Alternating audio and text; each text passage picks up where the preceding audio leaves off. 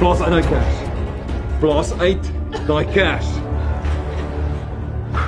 Die immer gewilde taakspan van Kaapstad is sedert die begin van Maart terug op kyknet skerms en meer gereed as ooit om nog vermiste persone sake op te los. Die spoor wat sy gelos het, ek meen daar moes iets wees. Daar was Nou hierdie adrenalien gevulde reeks laat ons as kykers op die punt van ons stoele laat sit.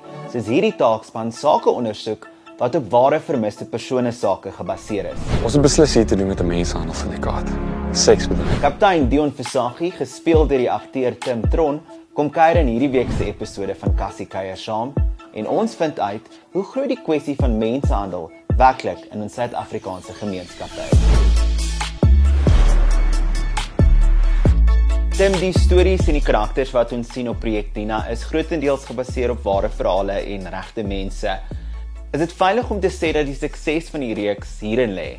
Ja, ek dink dit is definitief deel van die van die sukses omdat ons baie duidelik is daar. So mense weet dat wanneer hulle episode kyk van Projek Dina, is dit dis entertaining en is lekker om te kyk en ons great karakters, maar dis heeltyd so van jou agterkop dat hierdie regtig met iemand gebeur of 'n of 'n weergawe hiervan het reg met iemand gebeur en ek dink definitief dit bring so 'n bietjie ekstra gewig na die na die reeks toe na elke episode toe. So ja, nee, dis definitief deel van die sukses. Ehm um, maar dit bring ook 'n verantwoordelikheid vir ons in ehm um, in terme van hoe ons dit speel want weer eens weet jy iemand gaan hierna kyk en hierdie is hulle storie wat ons op 'n manier vertel hier al al sê ons nie presies wie dit is of wanneer dit gebeur het nie.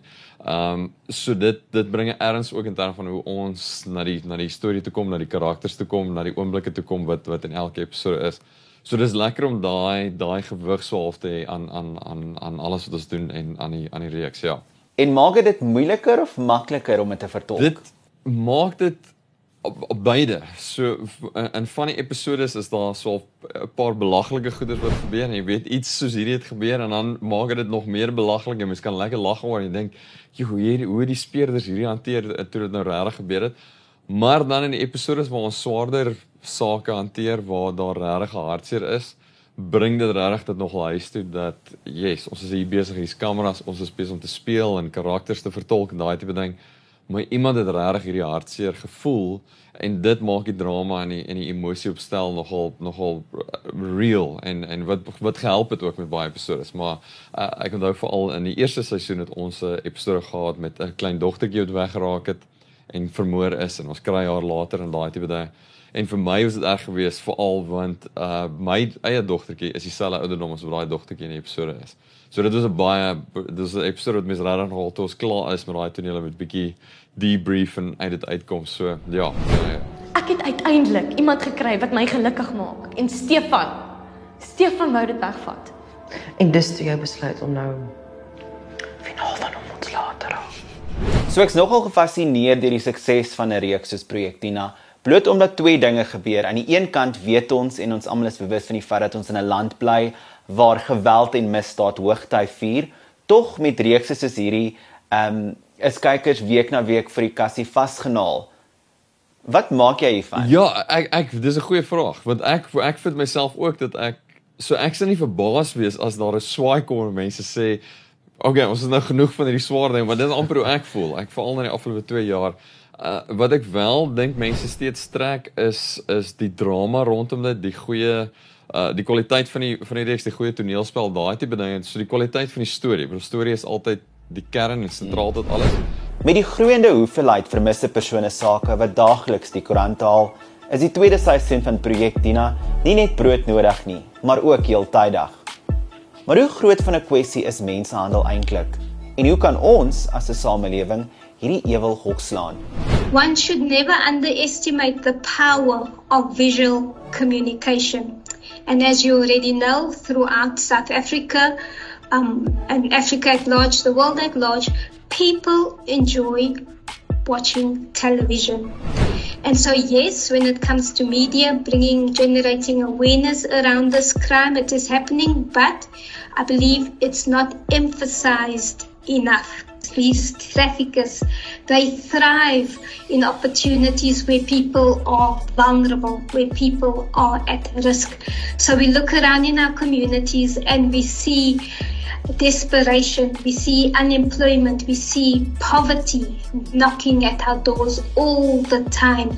And these traffickers, they thrive, they seek out opportunities. So the thought is, how is it that I, as a 15 year old girl, um, within a community can fall prey to this crime? It is because of the ignorance around it. People think, first and foremost, that human trafficking does not exist or that it will never happen to me. And I'm thankful for platforms and mediums like this where we are able to emphasize that human trafficking is real and it can happen to anyone. There's no one face when it comes to human trafficking. I think one of the questions that you might ask is so who's, who's prone to fall for this crime, who becomes victims of this crime. And again, I say there's no one face. It can be the unemployed young mother, it can be the 13 year old schoolgirl, it can be the seven year old boy. And so it's for that that we're saying that human trafficking can affect everyone across the board when it comes to society. Ik heb de job gehad om te doen. Ik het toch toch dat wat sal wil hê ek moet doen. Daar's 'n daar's 'n storielyn wat nou in in seisoen 2 opkom van iemand wat 'n klein dogtertjie weggevat het, maar weggevat het uit haaglike omstandighede uit en haar grootgemaak het asof hulle haar eie is. Ehm um, wat dan een van daai grys areas is, want selfs die ma erken dat ek weet nie of ek vir die kind eers sou kon gesorg het nie. Ek was 'n alkoholist, ek was in dwelms en daai tipe ding. Ek het nie eens geweet die kind is weg nie. Tot 'n paar dae later is toe, toe neem ek net aan die kind is dood. Ek het aangeneem iets het met die kind gebeur. En hierdie liefdevolle familie wat 'n misdaad gepleeg het, maar het hierdie kind grootgemaak en vir haar geleenthede gegee en daai tipe ding. En dis 'n dis 'n verskriklike moeilike ding. Wat het hierdie persoon iets het hierdie mense iets gedoen wat verkeerd verkeerd is? Jy weet nie as al langs dinge te gebruik. Ja. Maar hoe sou hierdie kind se lewe gelyk het as hulle dit nie gedoen het nie? Ehm um, so dit was nogal 'n interessante interessante saak wat regtig swaar van 'n grys area geval het van ja, hier's 'n misdaad gepleeg, maar dit het ten goeie uitgewerk vir almal betrokke aan die einde van die dag. So wat doen mense nou daarmee? So ja, dit was nogal 'n interessante ding. Sou nie goed vir Misty gewees. Baie goed.